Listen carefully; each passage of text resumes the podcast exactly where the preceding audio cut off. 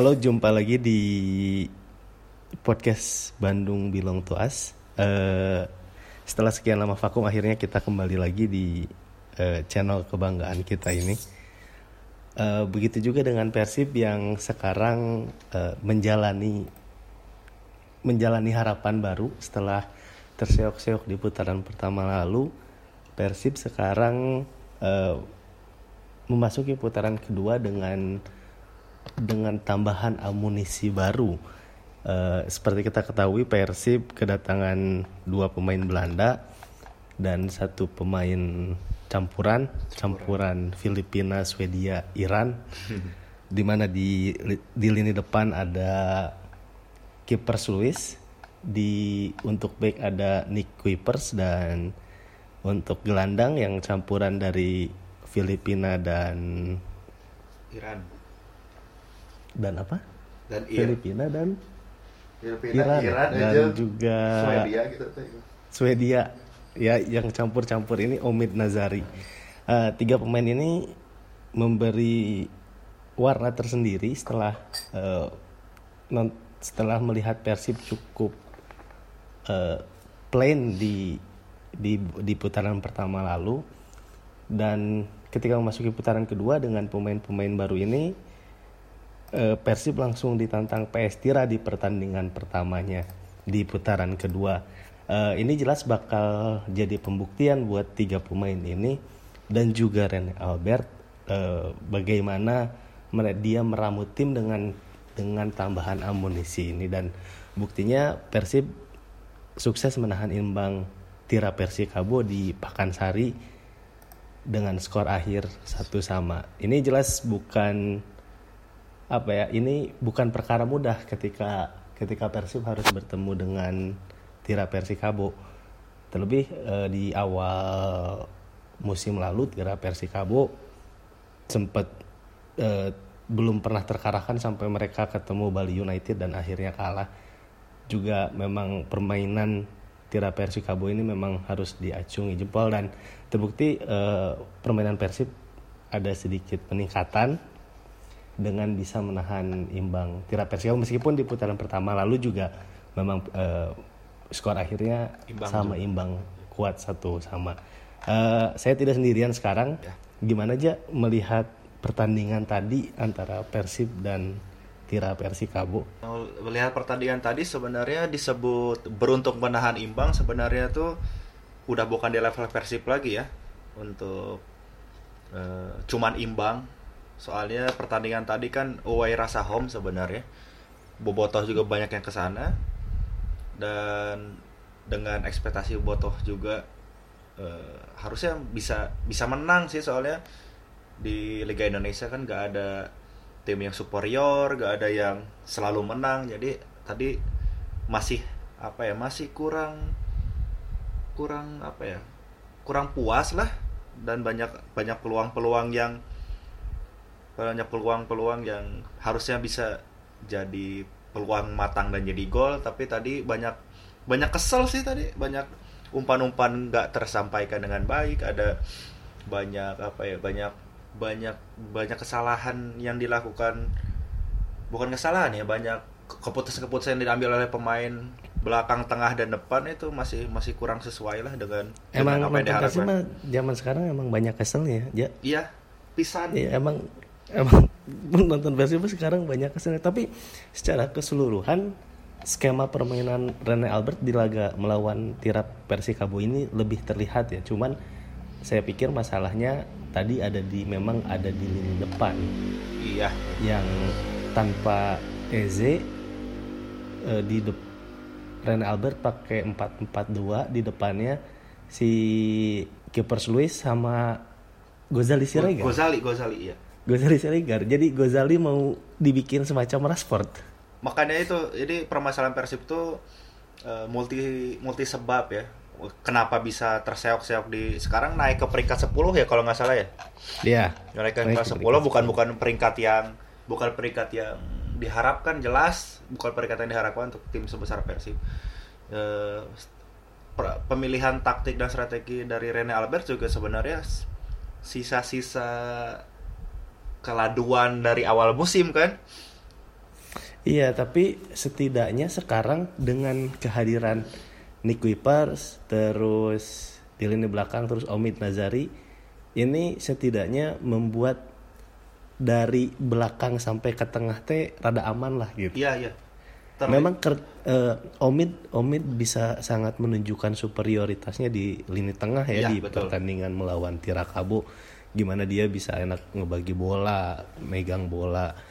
Terus begitu juga dengan Nick yang eh, dia berkontribusi dengan mencetak gol ya, umpan kelas dari Deddy Kusnandar iya, disambut kelas pisan.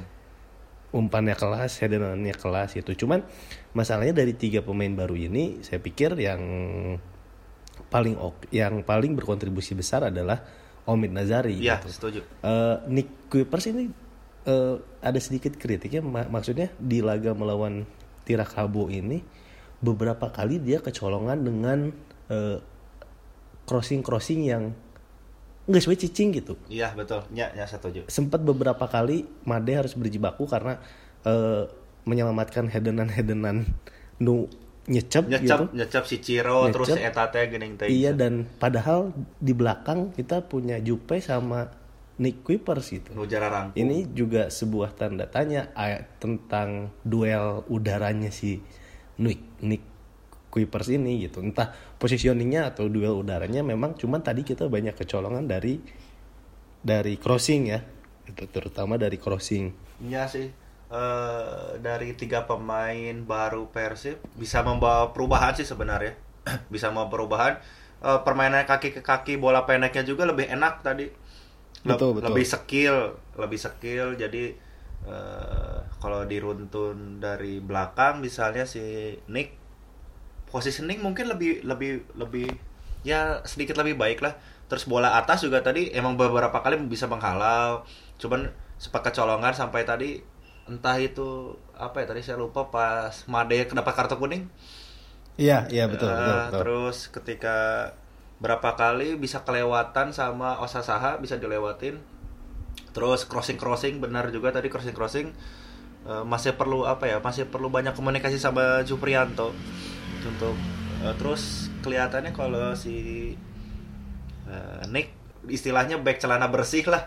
Jadi abang dia nggak nggak terlalu Spartan tapi bisa ngambil posisi yang bisa motong bola dan dia lebih apa ya lebih lebih ofensif Iya betul. Iya. Memang memang Nick ini eh, dia tipikal back modern ya. Dia Iya. bisa pegang bola, terus dia punya akurasi umpan yang bagus. Maksudnya dia bisa build up dari belakang lah. Jupe juga sebetulnya kayak gitu, cuman memang si Nick ini ya didikan Eropa memang memang terlihat gitu tadi juga dia beberapa kali dia build up dari belakang eh, memang visi bermainnya bagus gitu untuk si Nick Kuipers ini iya. Gitu. Dan tapi ja- di luar tiga pemain baru ini tadi ada satu pemain yang menurut saya sih rada menonjol ya. Esteban Vizcarra Iya. setelah cedera ini menurut saya ini permainan Esteban paling bagus setelah Iya, dia nyekil. sembuh dari cedera. Eh Vizcara ya. Vizcara emang masih belum di eh, top performance ya. Jadi belum belum Vizcara yang eh, penampilan terbaiknya Vizcara tapi untuk di Persib mungkin yang tadi itu eh, dia lebih pede kelihatannya lebih pede ngelewatin orang juga kayak harus di kudu kudu nyen batur era we gitu ngelewatin Iya, back iya. batur teh benar benar benar, benar. dan apa ya mungkin ya itulah tadi eh, permasalahan Persib kan emang karena jadi bingung kalau misalnya jadi Rene Albert dengan komposisi yang sebenarnya nggak 100% pilihan dia jadi bingung penempatannya kan ya Gozali bisa di sana entah emang emang Gozali kompeten di di posisi itu cuman kayak Vizcara terus Supardi kan tadi Supardi diplot jadi eh, sayap kanan ya? Supardi di sayap kanan. Nah, sayap Supardi di sayap kanan sebelah kirinya Esteban Vizcarra fullback kanan Hen Hen Hen Hen Alexander Arnold. Eh di, di sebelah kirinya si Ar- Adri Irdus. Dan tadi juga ini ngomongin masalah Hen Hen sebel pas Ciro Alves pindah ke sebelah kiri kiri Hen Hen ripuh tapi alhamdulillah selamat alhamdulillah selamat orang kesian bisa ini pas si, pas si Ciro Alves pindah gak tukeran posisi Ciro ke sebelah kiri gitu kan head to headnya sama hand hand di belakangnya Ciro ada Abduh Lestaluhu Iya. yes aduh iya mah ngimpi modal sih orang. Iya, iya. Ya emang tapi eh, pemain untungnya alhamdulillah selamat meskipun Heeh. ada beberapa melakukan kesalahan tapi overall ya memang patut diapresiasi lah penampilan hand hand malam tadi Iya, dan apa ya? Ya pemain apa ya? Pemain seperti Hen Hen, Erwin atau misalnya tuh Febri, pemain-pemain yang apa ya? Terkadang ngebuat kesel tapi udah terkadang dia jadi penentu kayak kemarin Nah, aja. iya gitu. Hen Hen bisa ngumpan ke Erwin jadi gol. Padahal mah dua pemain yang kalau misalnya lagi nobar atau lagi di stadion kan pemain yang paling Gesbek digoblok-goblok Heeh, gitu. gesbek digoblok-goblok tapi ternyata orang jadi pabalik letah kan digoblok-goblok Iya, tapi gitu. selebrasi pedang jalma nu digoblok-goblok eta kan. Tit- titisan atep ya Nya titisan Atep. Nya. Jadi engke lo balor Lord Febri. nah terus oh, balik deh nya ka, ka tilu pemain eta. Misalnya Oh, iya. Omid, Omid emang ngaruh pisan. Omid ngaruh pisan terus uh, di dia partnernas uh, jeung Dedi. Menurut orang Dedi gelandang lokal Persib anu paling paling paling boga visi sih ya Dedi teh. ya emang setuju orang setuju pisan orang orang beki pisan nih kasih dado teh emang ya paling paling paling naon ya paling mikir gitu. Jadi bermain bola dengan mikir orang tuh ngomong pemain lain tuh mikir ya. Coba Dedi itu juga nemboga visi bermain anu bener. Terus Omid oke eh, lebih wani dan KB pemain Persib dia eh, terlihat lebih wani untuk untuk apa ya untuk bisa bisa Pegang bola. bisa pegang bola dan bisa menerobos melakukan pergerakan. Dan bisa bola umpan-umpan pendek nu anu bener-bener eta pasti hasil dari latihan gitu. Karena eh, terlihat lebih skematis gitunya terus ya Betul, betul. si eh, Kevin eh, Kevin mungkin naon ya eh, entah eta teh posisi terbaik yang si eta gitu di plot di plot sebagai Subasa dan jadi memang Misaki teh orang sih ninggalin aja ya jadi si Kevin iya kan memang posisinya shadow strikernya posisi asli Nya, itu sebagai eh, ar- bukan bukan Eh. Bukan striker murni gitu bukan target man. Jadi memang eh, ngelihat taktiknya so tahu na orang ya ya lihat taktiknya si Rene Albert itu. Jadi memang dia main 4-4-2 di depannya. Memang sengaja dikasih Gozali yang merupakan pemain cepat yang punya speed Ya. gitu buat ngebongkar ngobrak-ngabrik buat menarik back-back lawan keluar kotak penalti. Nah nanti si- buat ngebuka celah buat si qui- buat si kiper Luis nya nya makanya it- itu kelihatan banget. Gozali memang mungkin kurang lahnya gitu. Itu kelihatan banget pas Bow masuk pas Febri masuk kelihatan gitu. Bow bener-bener dia bisa narik apa pemain-pemain belakang tira Persikabo keluar kotak penalti dan ngebuka celah gitu buat buat buat pemain tengah Persi buat apa si Hese anjing ngaran teh Kip- kiper Luis kiper Ah, Luis eh, bu- ngebuka celah buat kiper Swiss masuk dan pemain-pemain lainnya masuk gitu. Cuman sayangnya memang selain Bow tadi nggak ada pemain yang bisa jadi pembeda gitu buat buat buat ngasih tekanan lebih gitu buat Tira Persikabo. Orang sih ninggalin gitu nya sotonya. Orang jadi taktik nasi Albert ya kurang lebih juga gitu sih tadi pertandingan lawan Tira Kabo ya. Mungkin akan beda cerita kalau misalnya ada si Eje Ezekiel. Heeh. si Eje si legend kontak I- iya, jadi ini juga menarik ya mungkin ada- kalau misalnya ada yang belum tahu, Ezekiel kemarin pulang ke Chad untuk kualifikasi membela Chad negaranya sebagai kapten, Kapten. di pra Piala Dunia zona Afrika. Cuman sayangnya si ketika seharusnya sudah pulang, sudah kembali lagi ke Indonesia ke Bandung, Ezekiel ini si King ini malah hilang kontak asal tasuk akal gitu di era modern ini terus hilang kontak eh.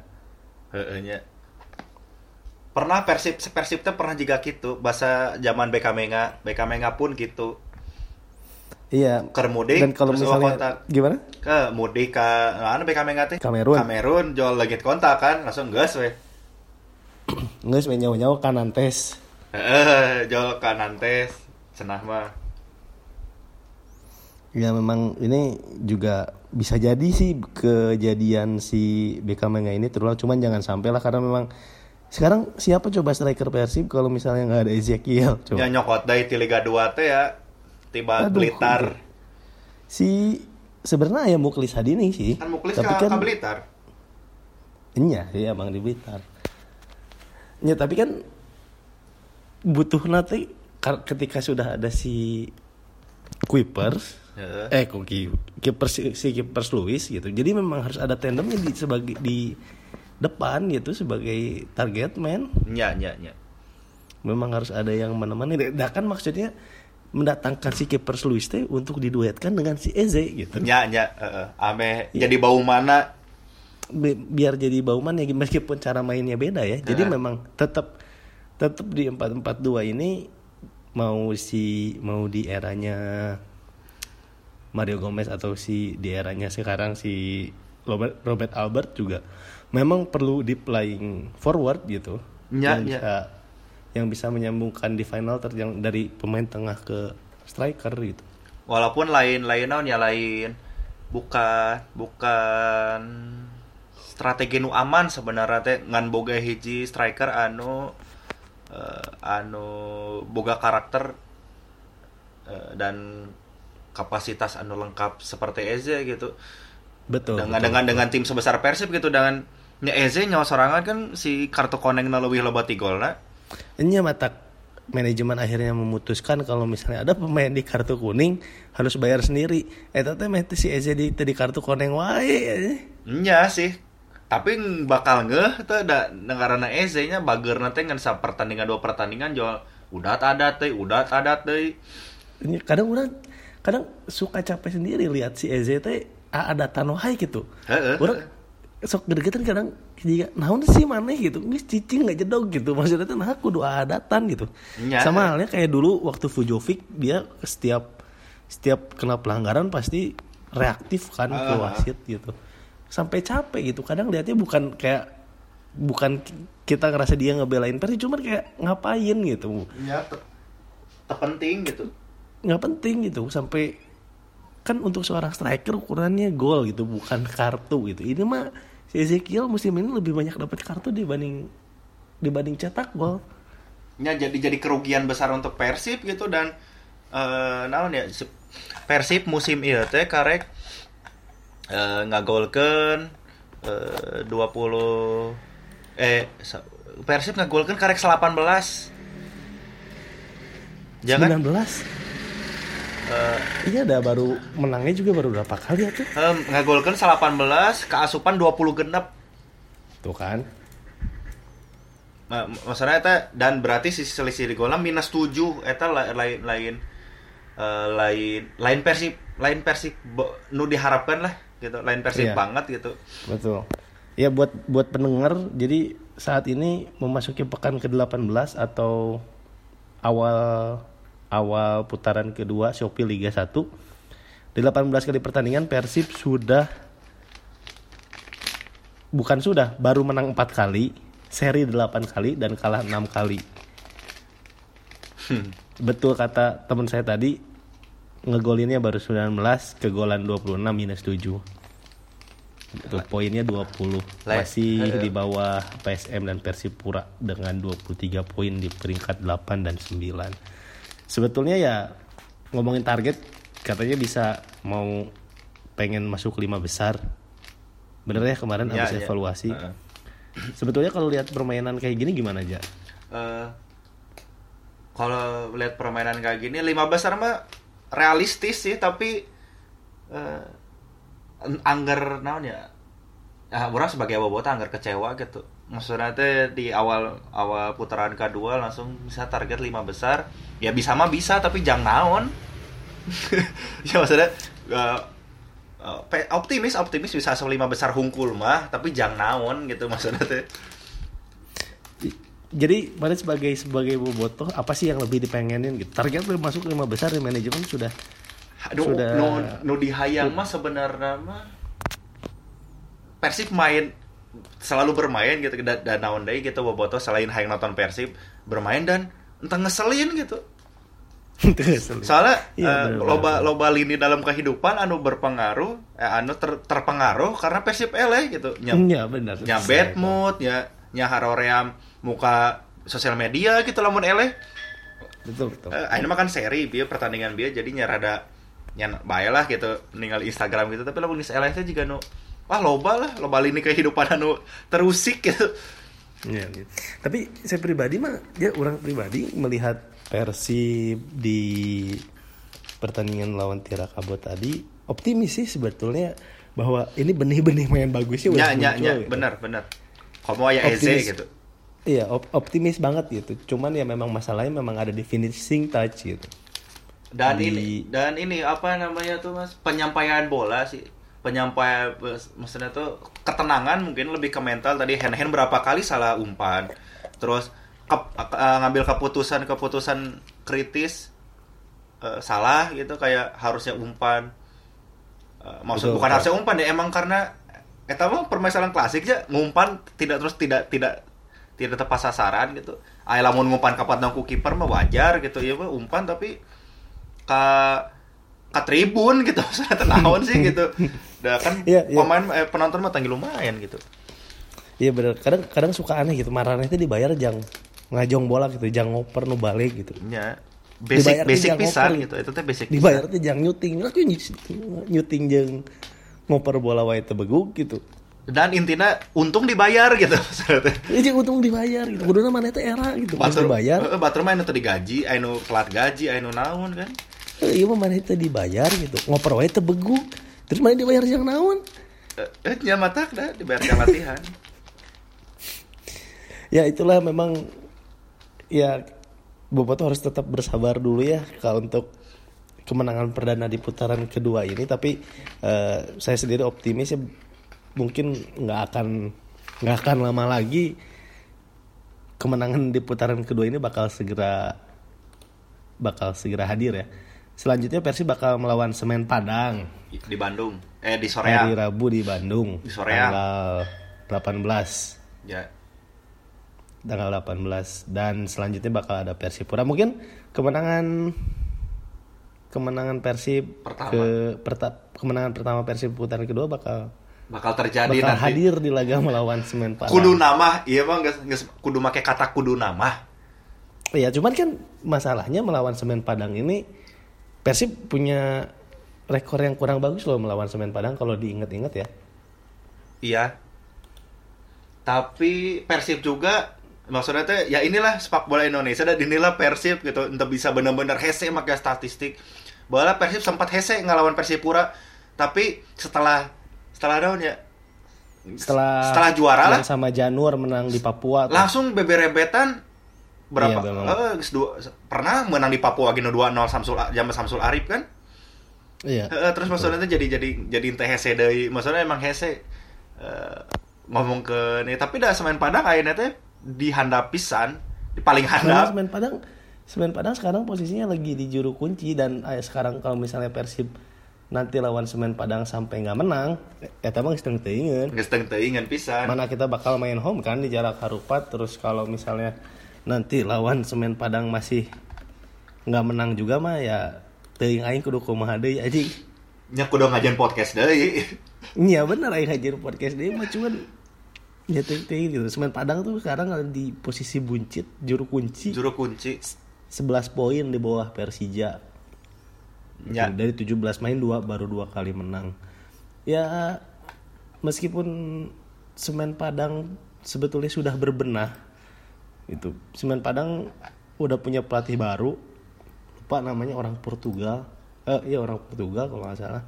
Tapi tetap kemarin mereka juga kalah lawan PSS.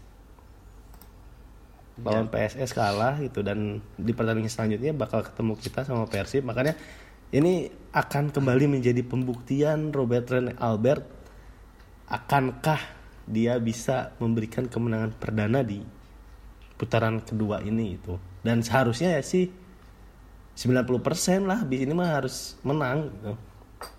nya harus Harus ini mah wajib wajib wajib menang. tanpa Bow berarti nya tanpa Febri nya pertandingan lawan semen Padang ya tadi kan kartu konek Iya Febri Febri kartu kuning. Berarti Jadi tanpa tanpa Febri ningali banget nasi bau pas di kartu kuning juga siapa nyesel tapi ah anjing iya aing kudu mayar dan nah sorangan juga terus dipikiran eta apa dan eh, dan pernah ngabenyeng.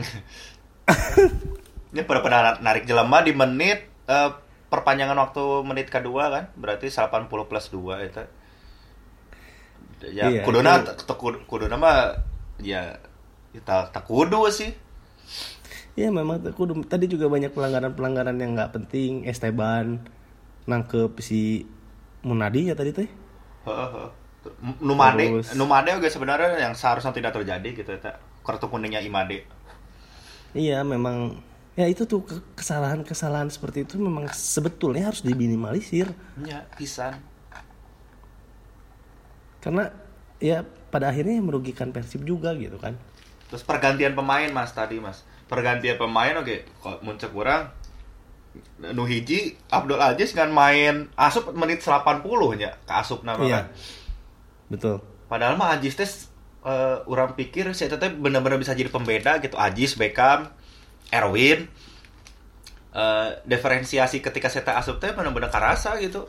Betul karena ketika sudah memasuki babak pertama oke kita melawan kita fight bagus masuk babak kedua kita juga masih fight tapi begitu masuk menit 60 Selalu 65 selalu eta teh. mau masukin 60 65 udah gitu Eh, permainan seolah-olah punyanya punyanya Tira Persikabo terus Ciro bisa beberapa kali beberebetan gitu kan Ya. cut inside ke dalam dan di situ seharusnya Rene Albert bisa jeli untuk melakukan kontra strategi gimana caranya supaya kita bisa ada pembeda masuk dan eh, ngasih bisa ngasih fight fighting spirit lebih gitu Ya. Sedangkan PS Memang- PS Tira teh emang selalu tiap pertandingan PS Tira tuh pemain-pemainnya tuh selalu punya fighting spirit yang super tinggi. Dari fisik, dari dari apa ya? Kayak kayak kita beak-beak gitu walaupun mungkin konsentrasi sempat lengit untuk pemain PS Tira tapi orang nilai PS Tira teh kunaon bisa ayeuna bisa di posisi luhur teh karena karena semangat pisan gitu mainnya teh. Ya, iya iya memang jeung si Cirona eta emang Emang si Cirona emang edan sih Emang si Ciro edan, Alves ya. Jadi memang ada dua pemain kalau misalnya di pertandingan tadi di- ada dua pemain yang memang eh, menarik perhatian ya. Satu Ciro Alves jelas dan yang kedua si Wawan.